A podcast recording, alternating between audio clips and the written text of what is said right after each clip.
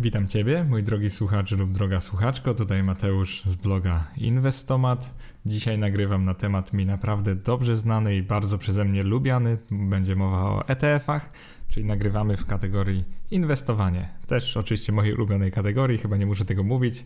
Tak naprawdę większość mojego bloga, czyli www.inwestomat.eu, inwestomat przez W, e, większość mojego bloga tak naprawdę mocno opiera się, pisze o inwestowaniu. To jest taki powiedzmy primary topic, no i nawet po nazwie inwestomat, chyba was to nie dziwi, że nagrywam głównie o tym.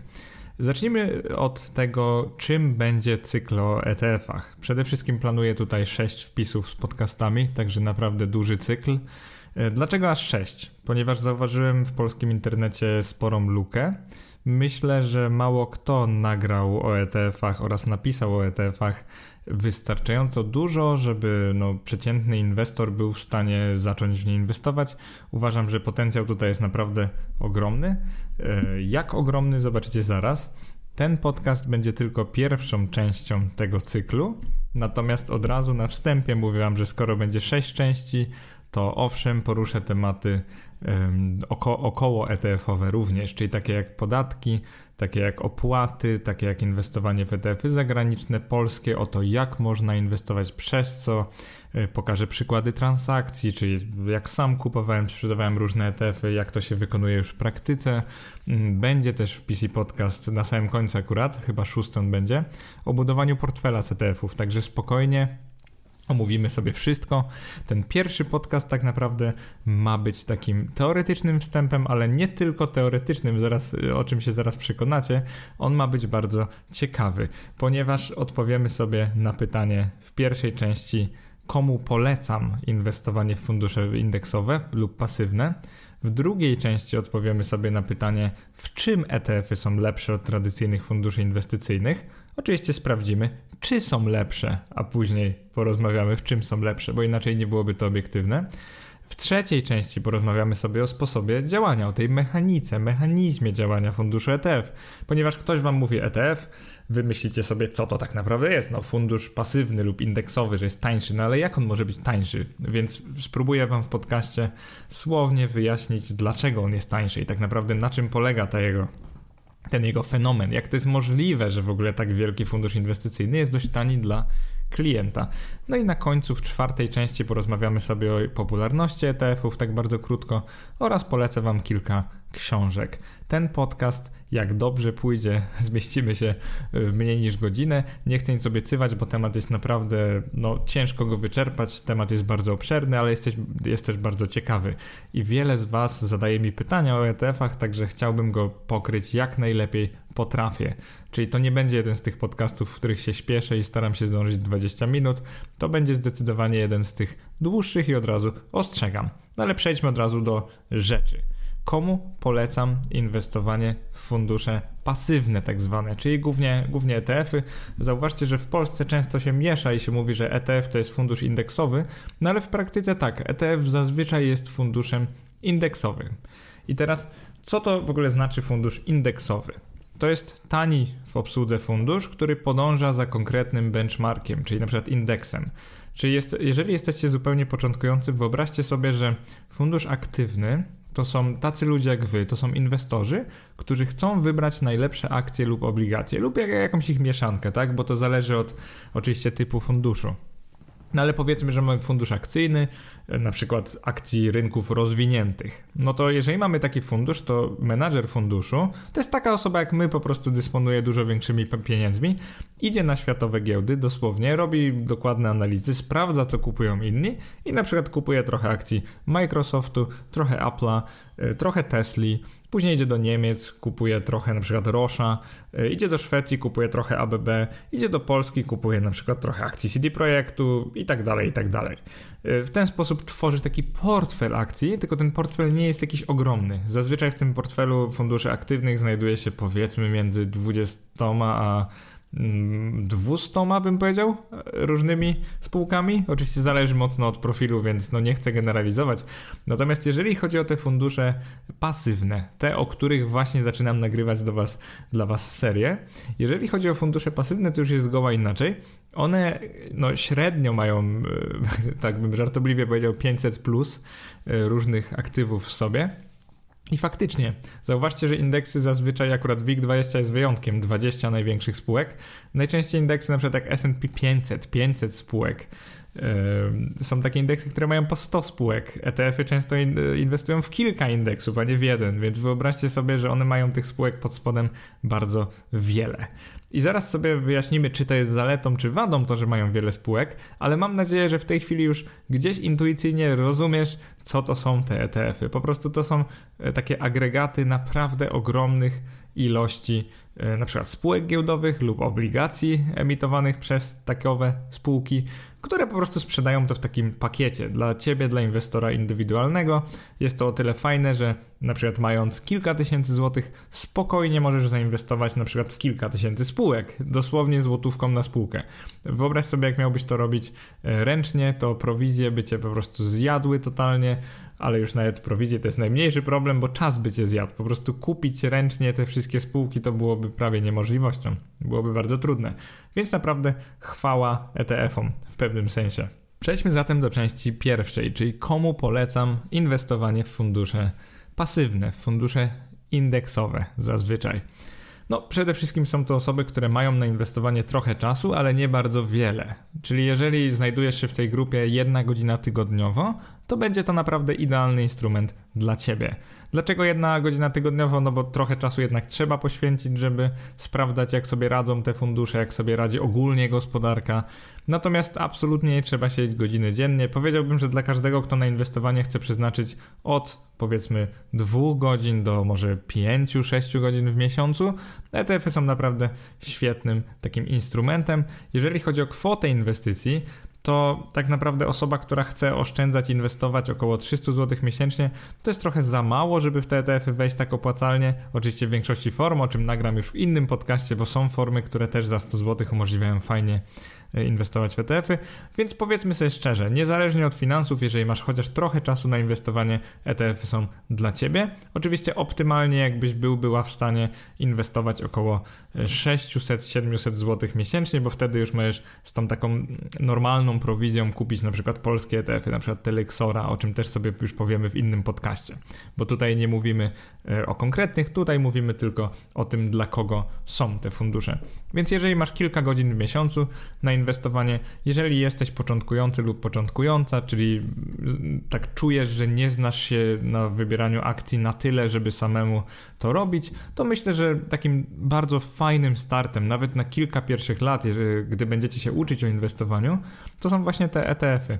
Czyli żeby wziąć udział w tym w tym wzroście, kapitalistycznym wzroście wartości spółek na całym świecie, ale również, żeby nie, nie popełnić zbyt wielu błędów, o czym zaraz sobie powiemy. Więc ten podcast i te wpisy, tą całą serię tak naprawdę kieruję do dwóch grup. I pierwsza z nich to są ludzie młodzi. Młodzi w moim przypadku oznacza 16-26 lat życia. Najczęściej ci, którzy jeszcze nie zaczęli pierwszej pracy albo zaczęli niedawno. I ta kategoria inwestorów to są raczej ci, którzy nie mają uzbierane jeszcze za dużo gotówki, Natomiast mają zwykle dużo czasu na to, żeby się uczyć inwestowania. Myślę, że ta, ta grupa inwestorów e, raczej zainteresuje się akcjami, może nie ETF-ami, ale na sam początek myślę, że mogliby się, moglibyście się skupić na właśnie ETF-ach. Natomiast taka grupa naprawdę docelowa, prawdziwa grupa dla tych e, podcastów i wpisów to są osoby powyżej 27-8 roku życia, które już zgromadziły, czy to jest kilka, czy to jest kilkanaście, czy to jest kilkadziesiąt, czy nawet kilkaset tysięcy złotych. Jednak nie czujecie się na siłach, żeby inwestować inwestować na przykład w akcje lub obligacje samemu, nie chcecie ich samemu wybierać, co zresztą rozumiem, bo to jest bardzo rozsądne. Zauważcie, że ja nigdy was nie próbuję namówić, żebyście jakoś dziko w tym momencie wybierali akcje i obligacje, bo szczerze mówiąc to jest bez sensu, zwłaszcza, że macie takie fajne instrumenty jak ETF-y. I ta, do tej grupy czytelników, którzy właśnie mają jakieś oszczędności, już pracują od paru lat, może trochę przespali moment na, na to, żeby rozpocząć inwestowanie, to głównie do tej grupy słuchaczy i czytelników kieruję tę serię. I teraz przechodzimy do części drugiej, chyba najważniejszej w tym podcaście, to jest w czym ETF-y są lepsze od tradycyjnych funduszy inwestycyjnych. No i przepraszam od razu za ten bias, bo tak, od razu wam mówię, że według mnie są lepsze, co zaraz zrozumiecie. I teraz bardzo ważne jest zrozumienie, dlaczego często się mówi o ETF-ach, że są lekkie jest takie stwierdzenie, że to są takie prostsze, lżejsze fundusze. I tu na pewno nie chodzi o wyniki inwestycyjne, bo one, jak zaraz się przekonacie, są naprawdę niezłe, przynajmniej przyzwoite. Zacznijmy od tego, że ETF-y są tańsze od tradycyjnych funduszy inwestycyjnych. I teraz, co to znaczy tańsze? W Stanach Zjednoczonych to oznacza, że średni roczny koszt, i to podkreślam, posiadania amerykańskiego funduszu aktywnego, czyli nie ETF-a, wynosił dwa lata temu tam 0,7 Mniej niż 1% rocznie. Zauważcie, że tu nie ma tragedii. Mniej niż 1% rocznie za zarządzanie środkami nie jest tak źle i to jest ten aktywny. Średni ETF w Stanach Zjednoczonych kosztował tylko 0,15 czyli 15 setnych. Y, powiem Wam szczerze, bardzo niskie koszta, to jest naprawdę coś niesamowitego. Polskie ETF, jak się przekonacie, albo, albo te zagraniczne, ale europejskie, te, w które my możemy inwestować, są trochę droższe niestety, chociaż też znajdziecie y, tak tanie. I teraz co właśnie Wam powiedziałem? Przede wszystkim powiedziałem Wam, ile te opłaty wynoszą w Stanach, a nie w Europie. To raz, a dwa to powiem, powiedziałem Wam tylko, ile wynoszą opłaty roczne, czyli za już posiadanie. I teraz niestety dla nas wszystkich w Polsce są też opłaty na wstępie. I pamiętajcie, porównujemy teraz y, fundusze tradycyjne, czyli na przykład fundusze inwestycyjne otwarte, tak się nazywają, do ETF-ów. I pierwsza różnica jest taka, że te pierwsze mają dość wysokie prowizje od kupna i sprzedaży. Tak naprawdę od kupna zazwyczaj. I teraz, co to znaczy wysokie? We wpisie umieściłem dla Was konkret, także macie tabelkę z konkretami. Tam jest akurat 6 różnych funduszy, 4 aktywne, 2 pasywne i macie porównanie, czyli jeżeli kupicie dzisiaj fundusz jednostki funduszu aktywnego, to ile wydacie. Nie chcę tutaj robić żadnego product placementu, więc odsyłam Was do wpisu, możecie sobie tam poczytać, ale powiem Wam tylko, że średnio w Polsce za ten zakup funduszu dla tych kwot niskich, powiedzmy poniżej no, 10 tysięcy złotych, to płacicie jakieś takie 4%, czyli od razu 4% waszych środków znika. No i przykładowo inwestujecie, nie wiem, dajmy na to te 10 tysięcy, no to już na wstępie, czyli jak już po prostu pukacie do tego funduszu, że chcecie im, im dać swoje pieniądze, to wyobraźcie sobie, że zwykle tracicie jakieś 300-400 zł, czyli ta opłata jest pobierana automatycznie na samym początku, to jest takie dzień dobry, jeżeli chcesz u nas ulokować pieniądze, musisz nam tyle zapłacić. I to jest pierwsza naprawdę duża wada y, funduszy aktywnych. To, to jest naprawdę spora wada, bo czasami lata zajmuje w ogóle odpracowanie tych kilku procent na wstępie. Dla porównania, jeżeli chodzi o ETF-y, czy tam fundusze pasywne, jeżeli wolisz, je się kupuje na giełdzie, tak jak na przykład akcje, w ten sam sposób. I teraz zależy od Twojego brokera lub maklera, na przykład w mBanku, jeżeli byście kupili taki ETF notowany na polskiej giełdzie, jest kilka takich, byście zapłacili tą prowizję 0,39% powyżej tej kwoty około 800 zł. Czyli to jest naprawdę przyzwoicie. Zauważcie, że no 4% na wstępie, a 0,39, 0,4 na wstępie to jest ogromna różnica. No i oczywiście w zależności od brokera mo mogą to być jeszcze niższe stawki. Zazwyczaj jeżeli kupujecie ETF-y zagraniczne zapłacicie trochę więcej, też będzie kilkanaście złotych. Procentowo procentowo to może być nawet mniej, ale kwotę do inwestycji musicie po prostu ulokować trochę wyższą. Akurat w przypadku M-Banku to jest tak, że jak chcecie zainwestować w zagraniczny ETF, to wam się tak opłaca w cudzysłowie od 7 tysięcy złotych gdzieś na transakcję. To jest coś, o czym też nagrywałem e, w tym podcaście, jak zacząć inwestować. Bardzo się w ogóle dobrze przyjął, także dziękuję wam. Dostałem naprawdę sporo pozytywnych komentarzy, wiadomości. Także no, wiedzcie, że mi jest bardzo miło za każdym razem, jak dostaję od Was maila albo wiadomość na Facebooku, aż chce się naprawdę nagrywać i pisać. Jak, jak, jak, jak się wie, że ma się naprawdę ludzi zainteresowanych i powiem Wam szczerze, że nie gra dla mnie roli, czy to, czy to są setki, czy tysiące, czy dziesiątki. Um, tak naprawdę jak tylko jedna osoba mi parę miesięcy temu napisała, że mi dziękuję i bardzo pomogłem, to naprawdę zrobiło mi się tak miło, że wierzcie mi, ale to, to wystarczy, więc jakby to paliwo się nie skończy, jest mi naprawdę super miło, jak piszecie takie rzeczy. Przepraszam tutaj za taką dygresję. E, wracamy do tematu wpisu. Czyli te prowizje na wstępie są o wiele niższe przy ETF-ach. Oczywiście są fundusze aktywne, które nawet takich nie mają, ale jest ich naprawdę na palcach jednej ręki, można policzyć. Jeżeli chodzi teraz o tą prowizję e, coroczną, o tą za zarządzanie, ona jest najczęściej ukryta e, w kursie funduszu, czyli jak zobaczycie sobie ten przebieg wartości funduszu, to po prostu ona jest tam i ona jest pobierana codziennie. I to jest właśnie bardzo istotne. Ja akurat nagram osobny podcast o opłatach, ale myślę, że na samym początku fajnie było, jakbyście zrozumieli, że te opłaty roczne to nie jest tak, że któregoś grudnia na przykład fundusz wam ucina 3% wartości. Nie, to zupełnie tak nie działa. To działa tak, że każdego dnia proporcjonalnie od tego trzymania funduszu po prostu płacicie tym właścicielom, ludziom zarządzającym. I te opłaty w Polsce akurat, pamiętacie, w Stanach było 0,7%. W Polsce niestety to jest 2 punkty procentowe więcej ponad, bo to jest już 3% i więcej za roczne posiadanie funduszu aktywnego. Czyli zauważcie, że nie dość, że na początku płacimy im na przykład 4% przy tych małych kwotach zakupu, to jeszcze później co roku płacimy na przykład 3 lub 3,5% za samo zarządzanie. Czyli zauważcie, jak dobre muszą być ich wyniki inwestycyjne, żeby to się w ogóle kalkulowało, żeby się opłacało. Więc Oczywiście, jeżeli mamy świetny fundusz aktywny i on potrafi wykręcić, nie wiem, 30% w każdym roku, no to jak się możesz domyślić, ta, ta opłata 3% roczna, no to jest nic, prawda? To jest pikuś. Natomiast wyobraźcie sobie, że większość funduszy, o czym zaraz tutaj posłuchacie, po prostu nie umie pobić indeksów, czyli indeksów, czyli w domyśle ETF-ów. Nie umie pobić tych prostych, składanych, wiecie, wagowo z różnych spółek e, funduszy. Jeżeli chodzi o ETF-y, czyli fundusze aktywne 3% rocznie w Polsce, ETF-y w Polsce około 0,2-0,3% rocznie. Czyli znowu dziesięciokrotna różnica, czyli ETF-y są o wiele tańsze i tak naprawdę na tym mógłbym zamknąć rozdział, które z nich są tańsze. Nawet jeżeli znajdziecie pewne wyjątki, bo oczywiście one są, to pamiętajcie, że średnio ETF jest o wiele tańszy niż fundusz aktywny.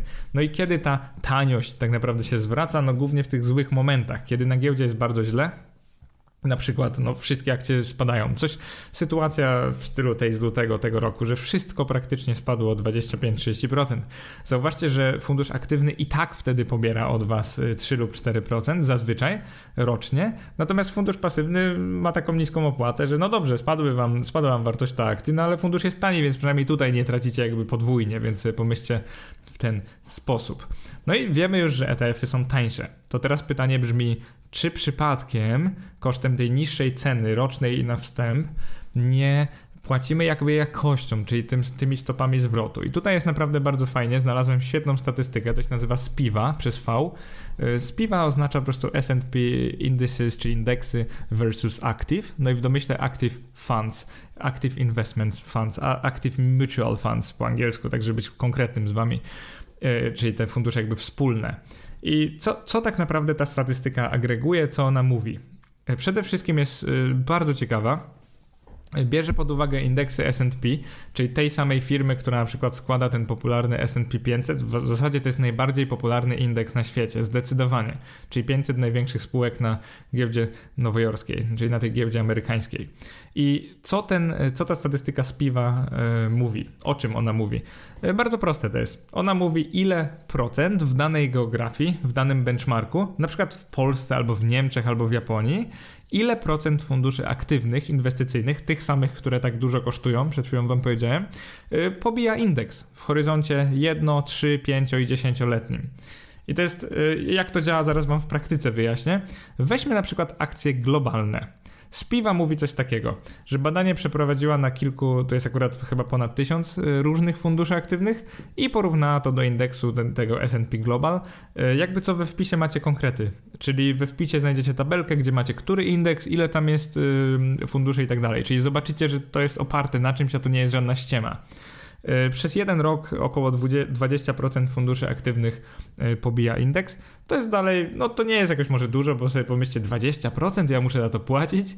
Natomiast e, szokująca jest liczba dla 10 lat, czyli w okresie 10-letnim, i to jest ten okres y, koniec 2009 roku do końca 2019, czyli nie tak dawno, y, tylko 1,7% wszystkich funduszy inwestycyjnych y, inwestujących w akcje globalne pobiło indeks. Podkreślam, niecałe 2%. Celowo zrobiłem taką przerwę. Y, I najlepsze jest to, że ta liczba dziesięcioletnia jest tragiczna dla prawie wszystkich benchmarków, czyli rynki wschodzące coś podobnego. Y, tam jest 4% w ciągu 10 lat. Akcje USA 2% w ciągu 10 lat. Akcje Europa trochę lepiej, bo zobaczcie, 13% funduszy się udało pobić. Benchmark to nie jest tak źle, tylko zauważcie, tylko 13%. Czyli na przykład z 1130. No jakie jest prawdopodobieństwo, że akurat ty, drogi słuchaczu lub droga słuchaczko, byście zainwestowali w te fundusze? No, powiem wam szczerze, nie jest wcale takie wysokie, no bo to jest zwykły rozkład. Jeżeli chodzi o te, które poradziły sobie najlepiej w okresie dziesięcioletnim, to jest Wielka Brytania i Japonia. I tutaj też konsekwentnie, bo w, w, okresie rocznym fundusze aktywne w Wielkiej Brytanii oraz Japonii y, też ponad połowa takich funduszy pobija indeks, więc muszę wam powiedzieć, że to jest pewien szacunek, no bo to nie jest takie łatwe wcale, jak widać. Natomiast w okresie dziesięcioletnim to jest około 32-33% odpowiednio dla Wielkiej Brytanii i dla Japonii. Czyli co to znaczy, e, jeżeli byście trzymali losowy fundusz aktywny inwestujący w akcje spółek e, brytyjskich na przykład, to macie 32% e, szansy, że on akurat pobiłby średniorocznie indeks. Czy to jest dużo, czy mało? No, według mnie dość mało, no ale zauważcie, że w porównaniu do globalnych, gdzie było 2%, albo na przykład do Polski, gdzie jest 15%, co też jak widzicie nie jest takie złe, to ta liczba jest naprawdę niezła. No i pytanie takie podstawowe. Czy opłaca się inwestować w fundusz aktywny, wiedząc, że po prostu bardzo mała ich część i w okresie dziesięcioletnim to jest praktycznie zawsze mniej niż połowa, zawsze mniej niż połowie, udaje się pobić indeks. Więc pytanie brzmi, jeżeli nie macie na dużo czasu na inwestowanie, jeżeli macie trochę środków, jeżeli chcecie inwestować tanio, czyli niezależnie od koniunktury, nie chcecie, żeby fundusz ściągał od was na przykład 3% rocznie na dobre i na złe, no i podkreślam na złe, czyli nie chcecie mieć jeszcze gorszych wyników, jeżeli będzie źle, i po prostu nie chcecie bra brać udziału w tej loterii, bo jednak, no przepraszam, ale 15% polskich funduszy poradziło sobie lepiej, akcyjnych oczywiście, poradziło sobie lepiej niż, e, niż indeks, no to przepraszam, ale nie wiem, czy warto, tak szczerze.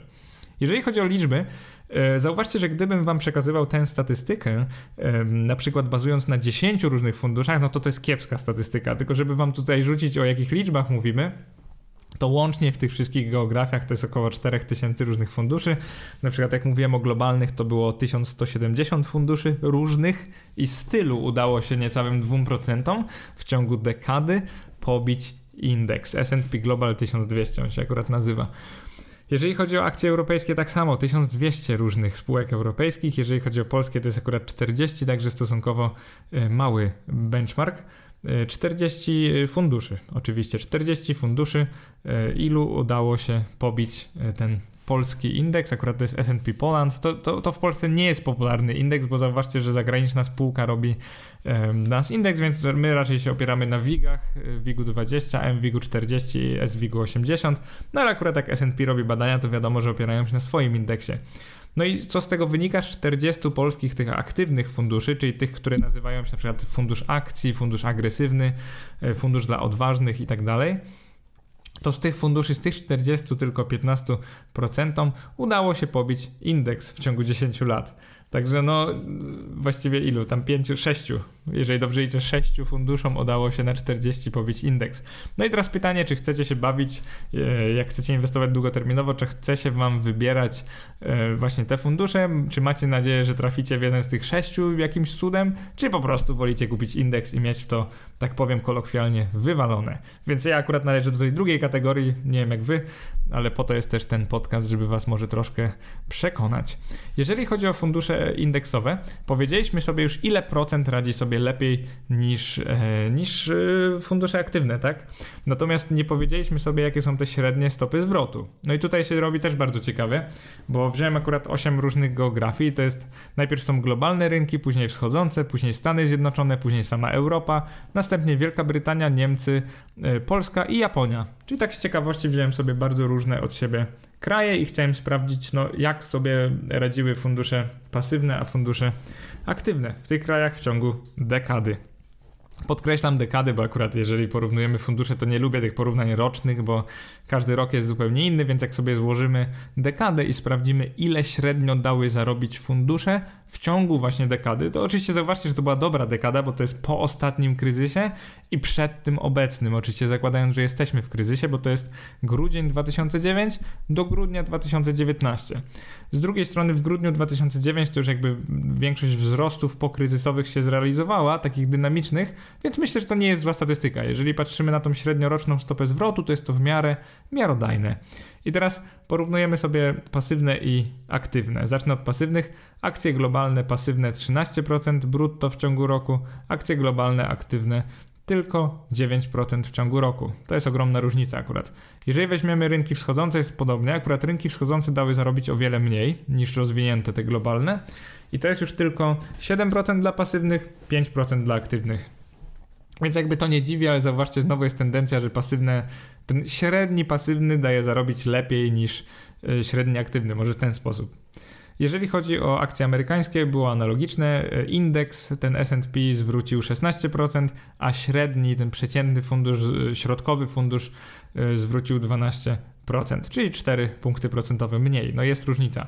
W Europie akurat jest podobnie, bo fundusze pasywne 8,5%, aktywne 7,7%, więc tu nie ma jakiejś dużej różnicy, więc tak naprawdę nie byłoby dużego znaczenia, w który byście zainwestowali. Jeszcze jeżeli chodzi o te pozytywy, to zdecydowanie lepiej sobie poradziły fundusze y, pasywne w Polsce, bo dały stopę zwrotu pozytywną 4%, y, natomiast y, co ciekawe, fundusze aktywne akcji polskich w tym okresie dały średnio rocznie minus 3,5%. Czyli zauważcie, byście średnio tracili pieniądze, gdybyście zainwestowali w fundusz aktywny. I to jest głównie przez opłaty, bo to niekoniecznie znaczy, że akurat, znaczy akurat tak, no WIG nie radził sobie najlepiej. Jak zobaczycie sobie ostatnie 10 lat, w zasadzie poruszamy się w trendzie takim boczno-spadkowym. Na pewno nie, nie mamy jakiegoś trendu wzrostowego, a, a na pewno nie jest dynamiczny, nawet jeżeli niektórzy twierdzą, że mamy. No ale zauważcie, że no, fundusze aktywne nie poradziły, poradziły sobie o wiele gorzej niż pasywne w Polsce. I teraz jako ciekawostkę, są e, dwa kraje, w których e, fundusze aktywne poradziły sobie lepiej e, niż pasywne i zauważcie, że to nie jest zupełnie przypadek, to jest Japonia i Wielka Brytania. Pamiętacie, że w ciągu 10 lat właśnie w tych krajach około 30 kilku procent funduszy aktywnych radziło sobie lepiej niż indeks, to jest naprawdę nieźle, 1 na 3 nie jest tak źle. To wam powiem tylko tyle, że tak, to ma swoje uzasadnienie, jak się spojrzy na ich średnie, te średnie roczne wyniki, ponieważ e, w Japonii akurat są bardzo podobne, 8,8% dla e, pasywnych i 8,9% dla aktywnych, czyli bardzo podobne. Jeżeli byście zainwestowali w Japonii, niezależnie w jaki fundusz, to około 9% rocznie w ciągu ostatniej dekady byście brutto, podkreślam, brutto, mieli z tej inwestycji. Jeżeli chodzi o UK, Wielką Brytanię jest bardzo podobnie. To jest, jeżeli chodzi o aktywne to jest 8,9%, jeżeli chodzi o pasywne 8,2%, trochę większa różnica, także fundusze brytyjskie można powiedzieć są najlepsze, jeżeli chodzi o pobijanie indeksu. Albo indeks S&P UK nie jest idealny, więc jakby tu są dwie rzeczy, może ten indeks po prostu jest gorszy niż inne indeksy tej firmy S&P. I teraz pytanie do Ciebie znowu, drogi słuchaczu, droga słuchaczko.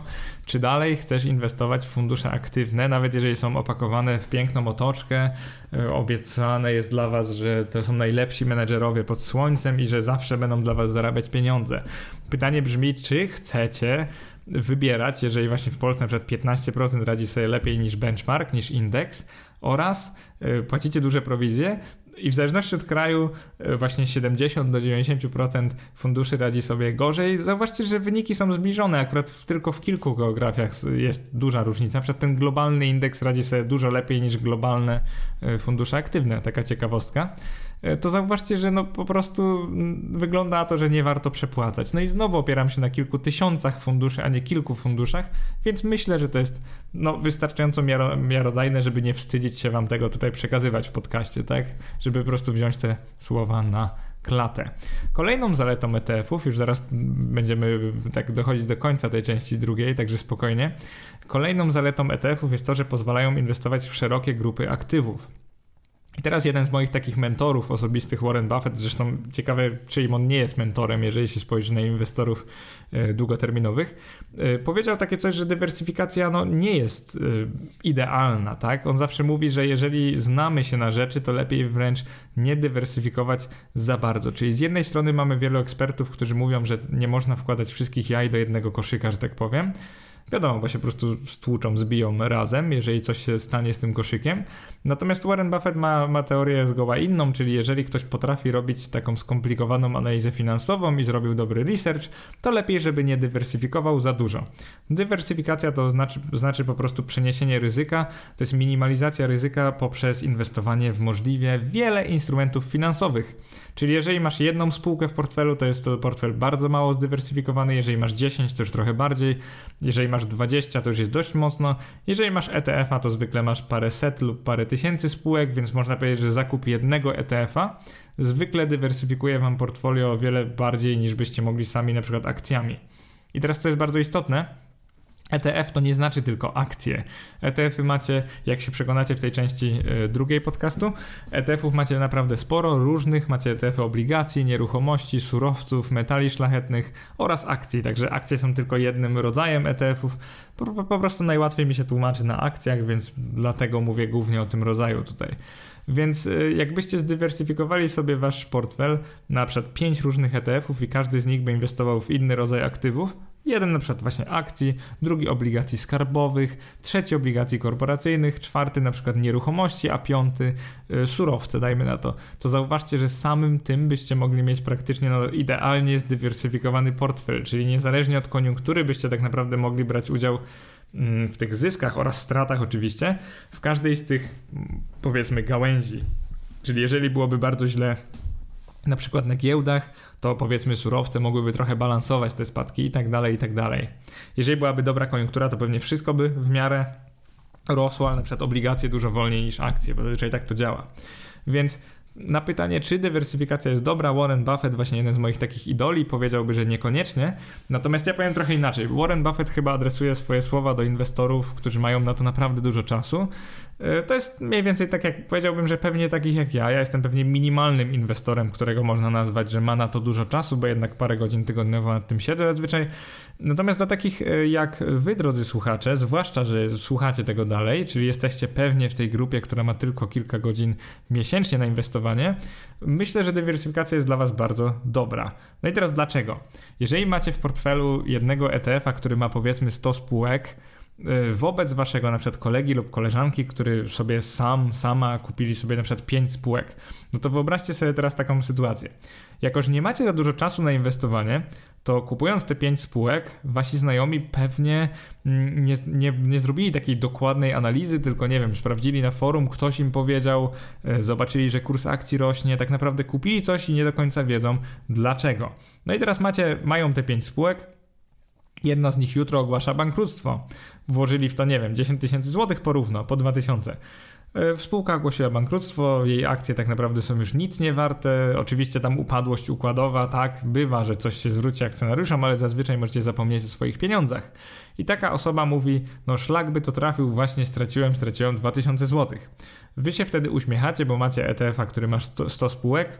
Dajmy na to, że to byłby jakiś polski ETF, który ma akurat 100 polskich spółek tam też była ta spółka, tylko zauważcie, że niezależnie już od wagi, straciliście około 1% swoich pieniędzy, podczas gdy wasz kolega, koleżanka stracili około 20%.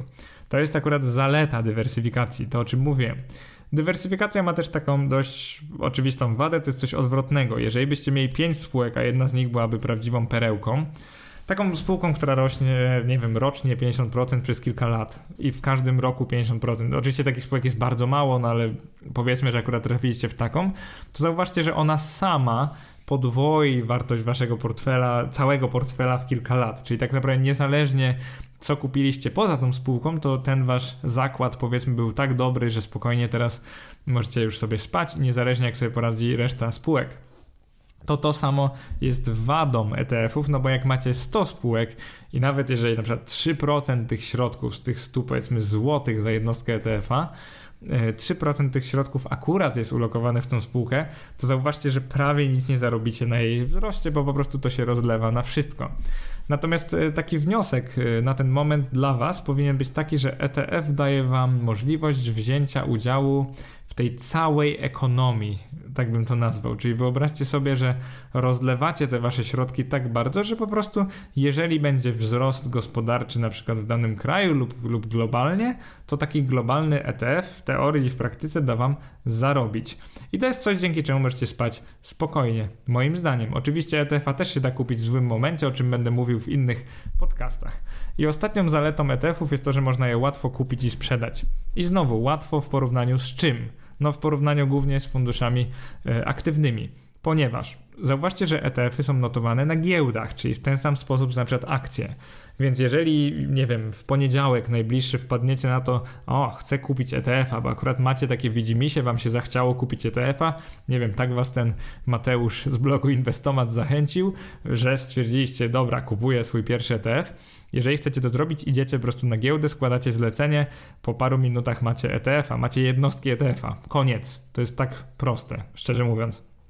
I teraz, jeżeli chodzi o fundusze aktywne, to już nie jest tak prosto, ponieważ problemem jest to, że one są, no, jakby notowania są podawane raz dziennie, czyli sobie te firmy trzymają te notowania i mówią wam na przykład codziennie o 17, dobrze, po dzisiejszej sesji giełdowej wartość naszej jednostki to jest, no, dajmy na to 100 zł, nie? Jutro wam powiedzą 105 zł i tak dalej. Jeżeli chcecie je kupić, to tak naprawdę kiedyś net list wysyłało, pamiętam, e, teraz robicie to online, teraz to fundusz musi chyba wam wysłać jakieś potwierdzenie, że kupiliście, no i to zajmuje zwykle 2-3 dni. W zależności od funduszu składacie zlecenie, oni muszą faktycznie kupić te akcje, trochę zajmuje. No po prostu wierzcie mi, że to 2-3 dni i tak samo analogicznie w stosunku do sprzedaży. I niestety przy sprzedaży to jest większy minus niż przy kupnie moim zdaniem, bo zauważcie, że dzieje się bardzo źle na giełdzie. ETF-a naprawdę zazwyczaj sprzedacie od razu, oczywiście dużo taniej, bo będzie panika. Natomiast te fundusze aktywne, jeżeli złożycie zlecenie sprzedaży, sprzedać za kilka dni, e, dzisiaj kosztował 100, za kilka dni będzie kosztował, nie wiem, 70, no to sprzeda się za 70, czyli jest ta inercja. Więc to jest coś, czego dynamiczny inwestor też jakoś za bardzo nie lubi, bo lepiej świadomie sprzedać taniej na giełdzie, wiedząc za ile się sprzeda, niż, e, no rozumiecie, niż po prostu czekać na ten werdykt, to był tyle i tyle wart, bo to tak naprawdę pozostawia wiele takiej możliwości do manipulacji funduszom, co mi się bardzo nie podoba. E, to by było na tyle, jeżeli chodzi o część drugą, czyli w czym ETF-y są lepsze od tradycyjnych funduszy. Podsumowując, są tańsze, radzą sobie lepiej od większości aktywnie zarządzanych funduszy, średnio mają właśnie te lepsze wyniki inwestycyjne, podkreślam średnio, bo naprawdę istnieje sporo tych aktywnych, które no, biją na głowę ETF-y, no ale jest ich no, sporo, to jest jakby za mało w tym przypadku, tak? Tak jak wam powiedziałem, w okresie dekady, nie wiem, w Polsce przed tylko 15% pobiło e, indeks, akurat ten S&P. Y, pozwalają inwestować szeroko, możliwie w taki bardzo zdywersyfikowany sposób, co jest świetne, jeżeli właśnie wam się nie chce codziennie, wiecie, odświeżać notowań, sprawdzać, ganiać za tym, e, tym się tak rajcować, to myślę, że to jest naprawdę świetna rzecz. No i możecie je łatwo, szybko kupić i sprzedać. To jest oczywiście niewątpliwy plus, bo na giełdzie sobie po prostu wchodzicie, tak jakbyście pojedyncze akcje chcieli kupić, to możecie kupić cały koszyk, czyli ETF-a. I teraz przechodzimy do części trzeciej, czyli jak działa fundusz ETF. I tak naprawdę zacznę od analogii do tego, co przed chwilą powiedziałem, czyli jak to jest możliwe, że jednostkę funduszu, który często ma na przykład tysiące różnych aktywów, czy tam instrumentów finansowych pod sobą, jak to jest możliwe, że taką jednostkę można kupić na giełdzie, bo nie sądzicie, że to jest trochę nieintuicyjne. I zaraz wam to wytłumaczę, bo powiem wam szczerze, że sposób tworzenia jednostek ETF jest bardzo ważny do zrozumienia. I myślę, że jeżeli tego nie zrozumiecie, to no może nie powinniście inwestować w ETF-y, bo wtedy będziecie kupować coś, czego nie rozumiecie. I o ile takiemu przeciętnemu inwestorowi powiedziałbym, że starczy taka wiedza, że no kupujesz po prostu zestaw różnych innych na przykład spółek, to dla was akurat sugeruję, żebyście przesłuchali to, może być to dla Was bardzo ciekawe. Więc w tworzeniu ETF-a biorą udział dwie firmy, można powiedzieć. Pierwsza to jest ta instytucja finansowa emitująca ETF. Ja będę ich nazywał twórcą ETF-a. To jest ta firma, która po prostu robi ETF, decyduje się go złożyć. I, I we wpisie tak żartobliwie właśnie opisałem taki ETF, który nazywał się Opon ETF, który zrzesza wszystkie firmy, które produkują opony na całym świecie. Oczywiście nie ma takiego ETF-a, tylko to zmyśliłem na potrzeby przykładu. Tutaj w podcaście tak naprawdę nie muszę wam mówić na tym przykładzie oponiarskim. E, możecie wrócić do wpisu, jak chcecie, tam taki fajny diagram zrobiłem, gdzie naprawdę bardzo prosto tłumaczę, jak to działa. Na, na razie słuchajcie mnie, to zrozumiecie to samo słuchając podcastu. Czyli mamy twórcę ETF-a. Twórca ETF-a to jest ta, ten człowiek, ta grupa ludzi, którzy po prostu mówią: No dobra, dzisiaj robimy ETF-a na polskie akcje. Kropka. Wszystkie polskie akcje, dajmy na to.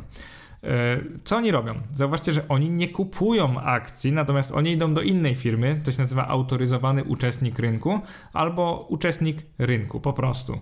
Więc teraz będę mówił twórca ETF-a, uczestnik rynku. Więc twórca ETF-a mówi, że chce kupić wszystkie akcje w takiej i takiej proporcji. Śmiejemy się, ale wysyła Excela do tego uczestnika rynku, czyli dużego banku.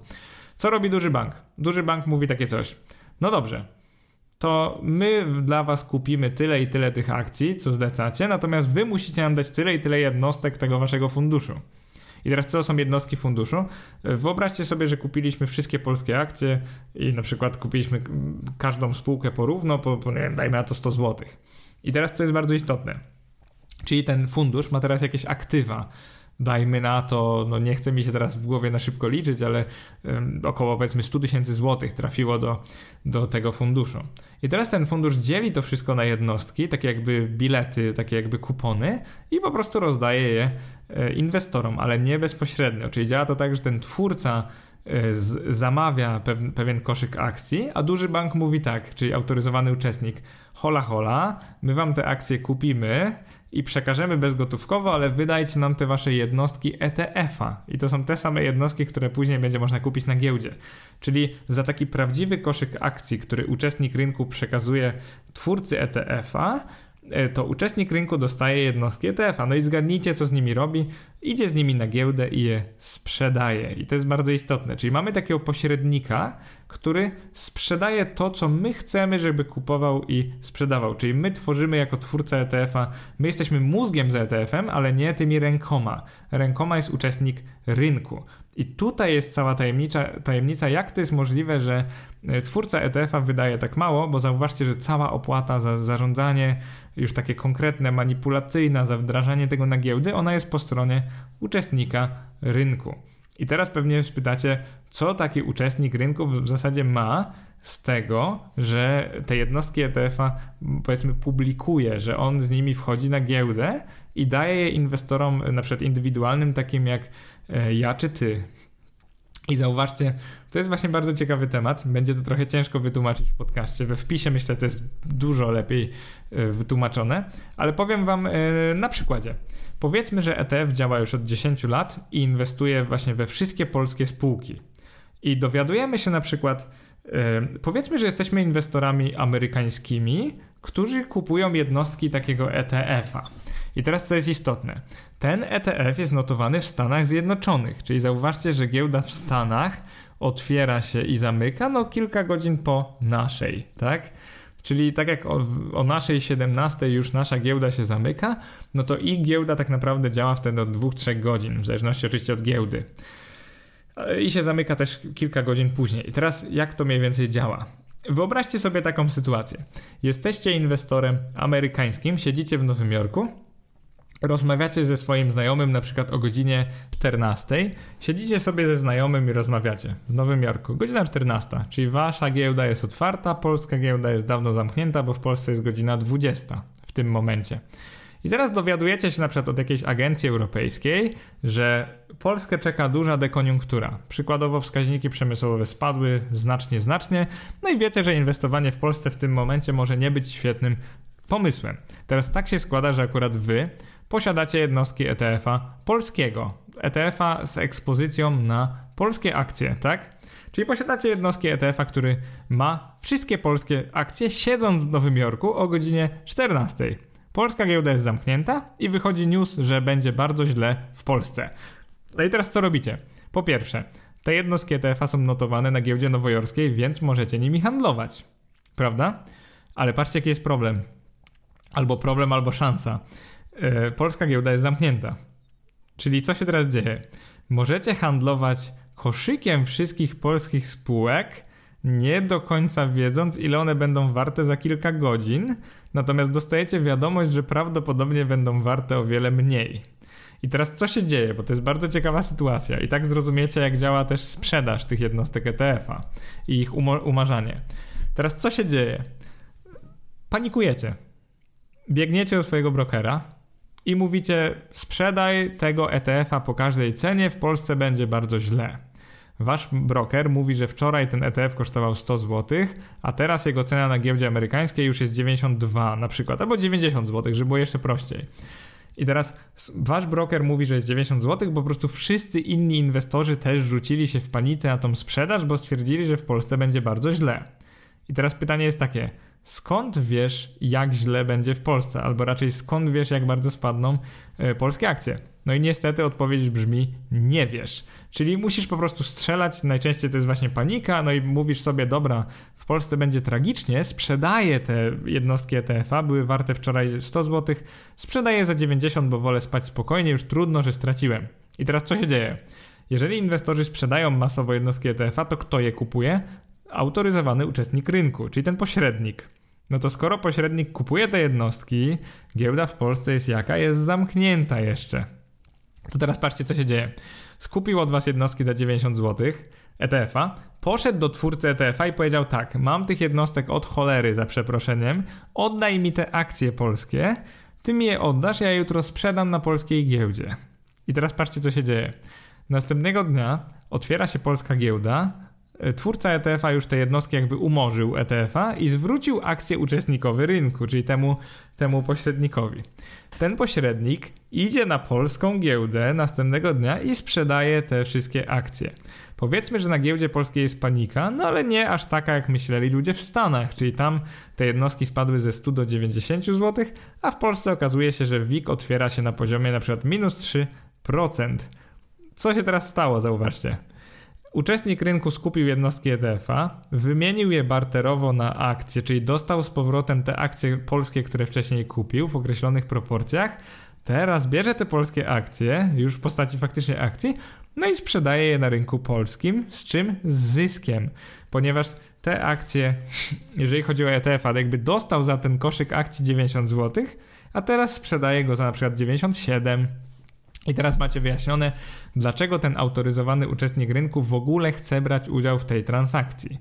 I ta sytuacja wam wyjaśnia, to jest oczywiście arbitraż, to się tak nazywa, czyli kupujecie coś na jednym rynku, sprzedajecie na drugim z małą różnicą w cenie i osiągacie tak zysk, czyli tak naprawdę sprzedajecie to samo na dwóch rynkach, mając zysk lub stratę. I teraz się okazało, że panika była przesadzona. Co się dzieje następnego dnia? Ludzie widzą, że rynek polski nie spadł tak bardzo w Stanach, bo zauważcie, że te godziny notowań się trochę pokrywają, czyli o naszej polskiej, e, jeżeli dobrze pamiętam, 15 chyba do 17 mamy notowania i w Polsce i w Stanach. No to inwestorzy ze Stanów widzą, że trochę przestrzelili, więc zgadnijcie, co zaczynają robić. Zaczynają odkupować te jednostki ETF-a, więc cena pewnie rośnie. I właśnie w ten sposób ustala się cena ETF-a na giełdzie. Czyli jakbyście spytali, jak to jest w ogóle możliwe, że ETF podąża za indeksem, no to odpowiedź brzmi bardzo prosto. Jest autoryzowany uczestnik rynku i on po prostu może sprzedawać lub kupować dowolnie te akcje u źródła, czyli na tych rynkach końcowych. Może mieć z tego, z tego tytułu na przykład zysk. I właśnie dzięki temu, że ten autoryzowany uczestnik może mieć zysk, dla twórcy ETF-a emisja ETF-a i zarządzanie nim jest bardzo tanie. I tak jak Wam mówiłem, w Stanach Zjednoczonych średni koszt ETF-a roczny to jest 15%, w Polsce to jest chyba 30 setnych, czyli dalej to jest bardzo, bardzo mało. No i w ten sposób są tworzone i umarzane jednostki ETF-a. Czyli tutaj podsumowując, bo to jest trochę skomplikowane na podcast, mówię wam, we wpisie macie naprawdę świetne diagramy, więc jeżeli macie jeszcze wątpliwości, po prostu odsyłam do wpisu. No ale podsumowując, ETF jest tani, dlatego że twórca ETF-a nie, nie dokonuje żadnego obrotu. Autoryzowany uczestnik się bardzo cieszy, ponieważ może dużymi pakietami akcji robić arbitraż, czyli po prostu zarabiać na różnicach w cenie na różnych rynkach. No i inwestorzy też są w miarę szczęśliwi, bo zwykle po kilku godzinach wiedzą już jaka jest prawdziwa wartość tego ETF-a, więc to nie jest tak, że okazje na rynku ETF jakoś często się e, się łapie. I zauważcie, że kiedy ten inwestor panicznie sprzedawał jednostki za 90 zł, to przecież my jako indywidualni też mogliśmy skupić te jednostki, tak? Czyli zauważcie, że uczestnik rynku to nie jest jakiś specjalny podmiot. On jest specjalny, ponieważ ma pewne prawa, których nie mają inni, czyli może tworzyć i umarzać nowe jednostki ETF-a, jeżeli jest na to potrzeba, oraz on po prostu ma więcej forsy niż my wszyscy maluczcy inwestorzy. Więc to jest jakby jedyna różnica, ale on jest na tym samym rynku, czyli na rynku wtórnym. Więc on, on, on dostaje takie zlecenie od inwestorów, żeby umorzyć albo utworzyć nowy pakiet, bo ludzie po prostu chcą go kupić, więc on idzie do twórcy ETF-a i prosi o to, żeby wyliczyć, ile czego trzeba kupić, żeby dostać takie jednostki w zamian. I myślę, że to jest dość dobrze opisane i jakby wystarczy na ten moment. Że jak słyszeliście, jednostka ETF-a może się oderwać tymczasowo od tych aktywów, które jakby leżą pod nim, które są w tym koszyku, ale podkreślam tymczasowo, bo to się bardzo szybko koryguje. Właśnie tak działa rynek. Teraz wiele z Was zadaje mi pytanie, czy ETF-y syntetyczne są niebezpieczne. No przede wszystkim, czym się różnią ETF-y fizyczne od syntetycznych? Co to są w ogóle syntetyczne? Bo brzmi tak sztucznie, tak? No jak trochę robot, coś niebiologicznego. No i faktycznie, ETF-y fizyczne to są te, które kupują na przykład deklarują, że inwestują w polskie akcje, więc muszą kupić te polskie akcje. I jak już wiecie, twórca ETF-a faktycznie posiada te akcje. On ich nie kupuje, ale dostaje od uczestnika rynku, więc fizyczny ETF to jest taki, który po prostu posiada to, co deklaruje się naśladować. Czyli 100 polskich spółek Fizyczny ETF to jest ten, który je posiada. No i teraz czym jest ETF syntetyczny? To jest taki, który nie musi posiadać wszystkich tych aktywów lub nawet nie musi posiadać żadnych. No i teraz przykładem, żeby poruszyć waszą wyobraźnię byłby ETF, który na przykład kupuje jednostki innych ETF-ów. Czyli zauważcie, że da się osiągnąć wybrany efekt umiejętnie dobierając inne fundusze, które kupują te aktywa. To jest oczywiście trochę dziwne i trochę taka incepcja, ale wierzcie mi, że ETF-y mogą posiadać inne ETF-y na przykład. Drugim przykładem będzie ta, na przykład weźmy tą branżę oponiarską. Mamy 650 firm na całym świecie, oczywiście to jest zmyślona liczba, ale wyobraźcie sobie, że poza takimi Dunlop, Bridgestone i tak dalej, Nokian na przykład, no nie mamy wielu jakichś ogromnych spółek, więc pomyślcie sobie, że w tym indeksie oponiarskim będzie kilka wielkich spółek, które będą miały po kilka procent indeksu, natomiast będą też takie, które mają na przykład jedną setną procenta. I wyobraźcie sobie, że jako uczestnik rynku dostajecie zlecenie na utworzenie, nie wiem, 100 tysięcy jednostek takiego ETF-a. Czy naprawdę chce się Wam kupować, e, czy naprawdę uważacie, że opłaca się Wam kupować takie małe liczby akcji, na przykład oponiarskich, nie wiem, Zimbabwe, powiedzmy? To jest taki przykład. E, myślę, że nie. Czasami wam może się w ogóle nie opłacać wchodzić na taką giełdę, bo po prostu twierdzicie, dobra, ta spółka oponiarska z Zimbabwe porusza się bardzo podobnie jak tamtejszy indeks, no to może po prostu kupię trochę indeksu, bo wpływ na ten nasz ETF tej firmy jest tak marginalny, że wręcz moglibyśmy nie kupować tej spółki, czyli możemy mówić, że naśladujemy ten indeks, ale skoro ta spółka w nim prawie że się nie znajduje, jest jej bardzo mało, tak jak wam mówiłem, że na przykład tam Bridge, Bridgestone'a macie 4 zł na każde 100 zł, a tej spółki macie grosz. No to po prostu zarządzającym może się nie opłacać kupować takich spółek w ogóle i mogą stwierdzić, po prostu kiwnąć na to yy, palcem, kiwnąć ręką i powiedzieć, no, no nie, no nie muszę tego kupować, a i tak się będziemy poruszać podobnie jak ten indeks. Więc zauważcie, fundusz syntetyczny to jest takie trochę pójście na łatwiznę. Najczęściej się go też generuje tak zwanymi słapami, instrumentami pochodnymi, po prostu się zamienia podobne aktywa z kimś innym i, i, w ten sposób uzyskuje się stopę zwrotu podobną do tej, co byście uzyskali, gdybyście po prostu fizycznie kupili te aktywa. I teraz wiele z Was zadaje pytanie, czy fundusze fizyczne i syntetyczne mają, notują jakieś drastycznie inne wyniki, i tutaj będzie zaskoczenie. Y, fundusze syntetyczne najczęściej lepiej podążają za indeksem niż fundusze fizyczne. To jest ciekawe. No i tu chodzi o taką tak zwaną inercję, czyli fizyczne potrzebują zwykle trochę czasu, żeby na przykład sprzedać aktywa, więc może się zdarzyć, że no nie naśladują indeksu identycznie, bo potrzebowały, nie wiem, paru lub parunastu godzin, żeby coś sprzedać. Indeks już ruszył się w inną w innym kierunku, tak? Czyli zauważcie, że tu jest ten problem inercji, czyli te, tego, tego, tej zwłoki w działaniu. Natomiast syntetyki często naśladują indeks w sposób zwyczajnie idealny, czyli potrafią się poruszać dokładnie z nim natychmiastowo, więc o dziwo często idą bliżej tego indeksu niż właśnie te fundusze fizyczne, które usiłują same zreplikować indeks. E, wiele z Was pyta, czy, czy zatem jest jakieś większe ryzyko związane z inwestycją w fundusze syntetyczne? Odpowiem szczerze, jest, ponieważ syntetyki, właśnie opierając się na derywatywach i lewarach, bardzo często mogą, że tak powiem, odjechać od tego indeksu, albo się trochę zatkać, nie móc czegoś sprzedać, czy coś takiego, ale powiem Wam szczerze, że jak się patrzy już na liczby, bo trochę, no przygotowałem się trochę do tego podcastu, jednak jeżeli chodzi o liczby, to no nie ma jakiejś ogromnej różnicy, czyli jako inwestor indywidualny y, moim zdaniem nie przejmuj się za bardzo tym, czy fundusz jest fizyczny, czy syntetyczny, bo tak naprawdę no, radzą sobie bardzo podobnie, więc może nie ma sensu się na tym jakoś za bardzo skupiać. Więc przejdźmy do tej ostatniej części podcastu, czyli y, popularność ETF-ów oraz polecane książki. Więc czy ETF-y w tej chwili są popularnym sposobem na inwestowanie? Powiem Wam szczerze, dwa lata temu w Stanach zrobiono badanie, znaczy badanie, po prostu sprawdzono ile aktywów znajduje się w funduszach pasywnych, przykład ETF-ach oraz w funduszach aktywnych i wyszło na to, że tylko 10% wszystkich aktywów to są fundusze pasywne, czyli można powiedzieć, no 10% nie tak dużo, jednak ludzie wolą inwestować aktywnie. Z czego to wynika? Głównie z promocji funduszy aktywnych. Zauważcie, jak dużo materiałów w internecie jest na hasło fundusze inwestycyjne, takie zwykłe, jak dużo znajdujecie haseł, a jak mało na właśnie ETF-y, a zwłaszcza w polskim internecie. ETF-y są dość takim tematem niszowym, niestety, według mnie.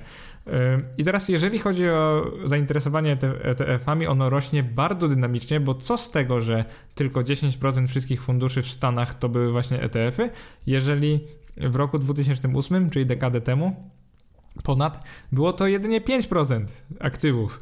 Czyli zauważcie, że wzrost o 5 punktów procentowych w dekadę, no niby mało, tylko że to 5%, 5 punktów procentowych to jest dwukrotność, tak? To jest wzrost o 100%, można powiedzieć. Więc ETF-y stają się bardzo popularne. Ja się nie dziwię dlaczego, bo one już są na rynku parę naście, parę dziesiąt lat, notują konsekwentne wyniki, podążają za indeksami i tak naprawdę pozwalają takim e, zwykłym, małym inwestorom spać spokojnie, inwestując właśnie też w akcje. I to jest naprawdę bardzo fajne w nich, że nie nie stawiacie pieniędzy na najlepszego konia, nie próbujecie znaleźć, nie wiem, tych 6-40 funduszy, tylko po prostu spokojnie sobie inwestujecie tanio w sposób taki indeksowy, kupujecie po trochu z każdej spółki z z danego indeksu. I naprawdę jest fajne to, że możecie ten indeks wybrać, czyli nikt wam nie narzuca tutaj, że musi być globalnie albo musi być w Stanach, możecie sami sobie to wybrać. I teraz co to znaczy, no ile na świecie jest na przykład ETF-ów, czyli jak będziemy mieli ten podcast y, kolejny o wybieraniu ETF-ów, o narzędziach do wyboru, no to z czego możecie przebierać, wybierać? To jest około 7 tysięcy tych ETF-ów, przynajmniej tak oficjalnie się mówi, to nieoficjalnie to jest pewnie dwukrotnie więcej. No i dla porównania funduszy aktywnych dwa lata temu było około 120 tysięcy. Czyli jeżeli chodzi o liczbę funduszy, zauważcie, że dwudziestokrotnie więcej funduszy aktywnych. No wiadomo, no banki, tak, instytucje chcą zarobić. Y, fundusz aktywny promuje właśnie skill, promuje umiejętności nad takie nudne, pasywne inwestowanie, czyli założenie w ogóle jak się buduje fundusz aktywny jest takie, że potrafię zarządzać pieniędzmi lepiej od tej średniej, lepiej od tego indeksu. No i jak widzicie, to założenie jest bardzo często błędne, bo no pamiętacie chyba na początku y, podcastu, ile procent y, funduszy bije indeksy, no nie jest to zbyt wiele. Więc zauważcie, no co z tego, że ETF-ów jest tylko 7 tysięcy, a aktywnych jest aż 120 tysięcy, jak tak naprawdę powoduje to zamieszanie, konfuzję i sprawia, że tylko trudniej wam, inwestorom y, małym, indywidualnym, wybrać taki instrument, bo tak naprawdę z takiego stogu siana, gdzie macie 120 jednostek, no to naprawdę powodzenia, żeby akurat odkopać te, które pobiją indeksy. Nie wiem, czy w ogóle jest sens się w to bawić, zwłaszcza, że one są droższe od ETF-ów. Sorry, że tak naganiam, ale naprawdę e, jak chcecie znać moje zdanie, to jestem z wami 100% szczery.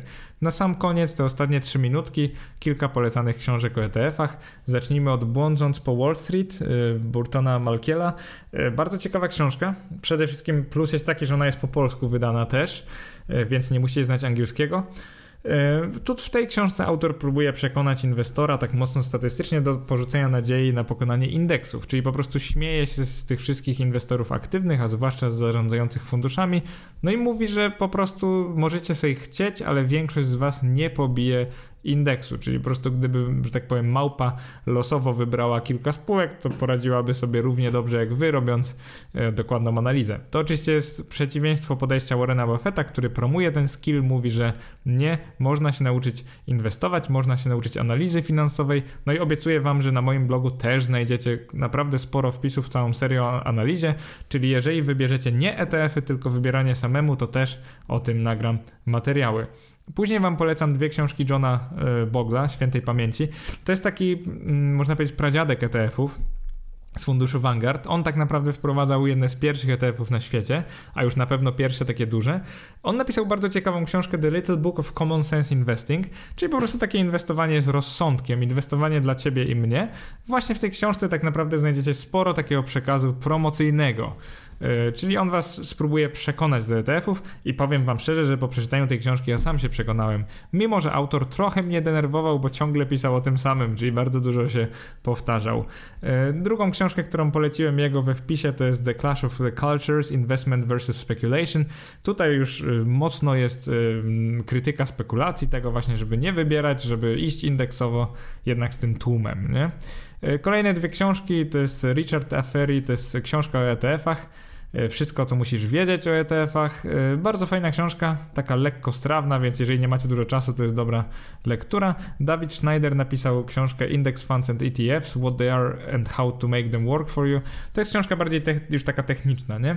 Akurat nie musicie jej czytać, jeżeli przeczytacie moje wpisy i posłuchacie podcastów, bo myślę, że content będzie podobny, tylko mój jest dostosowany do inwestora polskiego. Więc to jest dość ważne, że ja naprawdę nagrywam to z perspektywy Polaka, a nie kogoś, kto siedzi w Stanach i ma tych instrumentów dostępnych o wiele, wiele więcej. I teraz, żeby od razu zaspokoić Waszą ciekawość, tak jak nagrałem Wam na początku, odpowiedzi na wszelkie pytania znajdziecie w kolejnych e, wpisach i podcastach, także ten miał zadanie powiedzieć Wam, co to są ETF-y, jak działają, dlaczego warto i tak naprawdę z grubsza tyle. Więc jeżeli zrozumieliście to wszystko, to jest to naprawdę duży sukces. Bardzo Wam gratuluję. E, przesłuchajcie raz jeszcze. Jeżeli macie jakieś wątpliwości, napiszcie mi wiadomość czy komentarz. E, macie na to kilka metod. Oczywiście komentujcie u mnie na Facebooku. Jestem zaszczycony, jak każdy z Was lubi mój profil inwestomat.eu. E, mam już w tej chwili ponad 1000 osób. Jest naprawdę super. Fajne dyskusje tam prowadzimy. Codziennie staram się wrzucić coś ciekawego. Także jeżeli na Facebooku macie konto, lubicie takie blogi ekonomiczne, to Was bardzo, bardzo serdecznie zapraszam. Bardzo wszystko dziękuję. Cześć.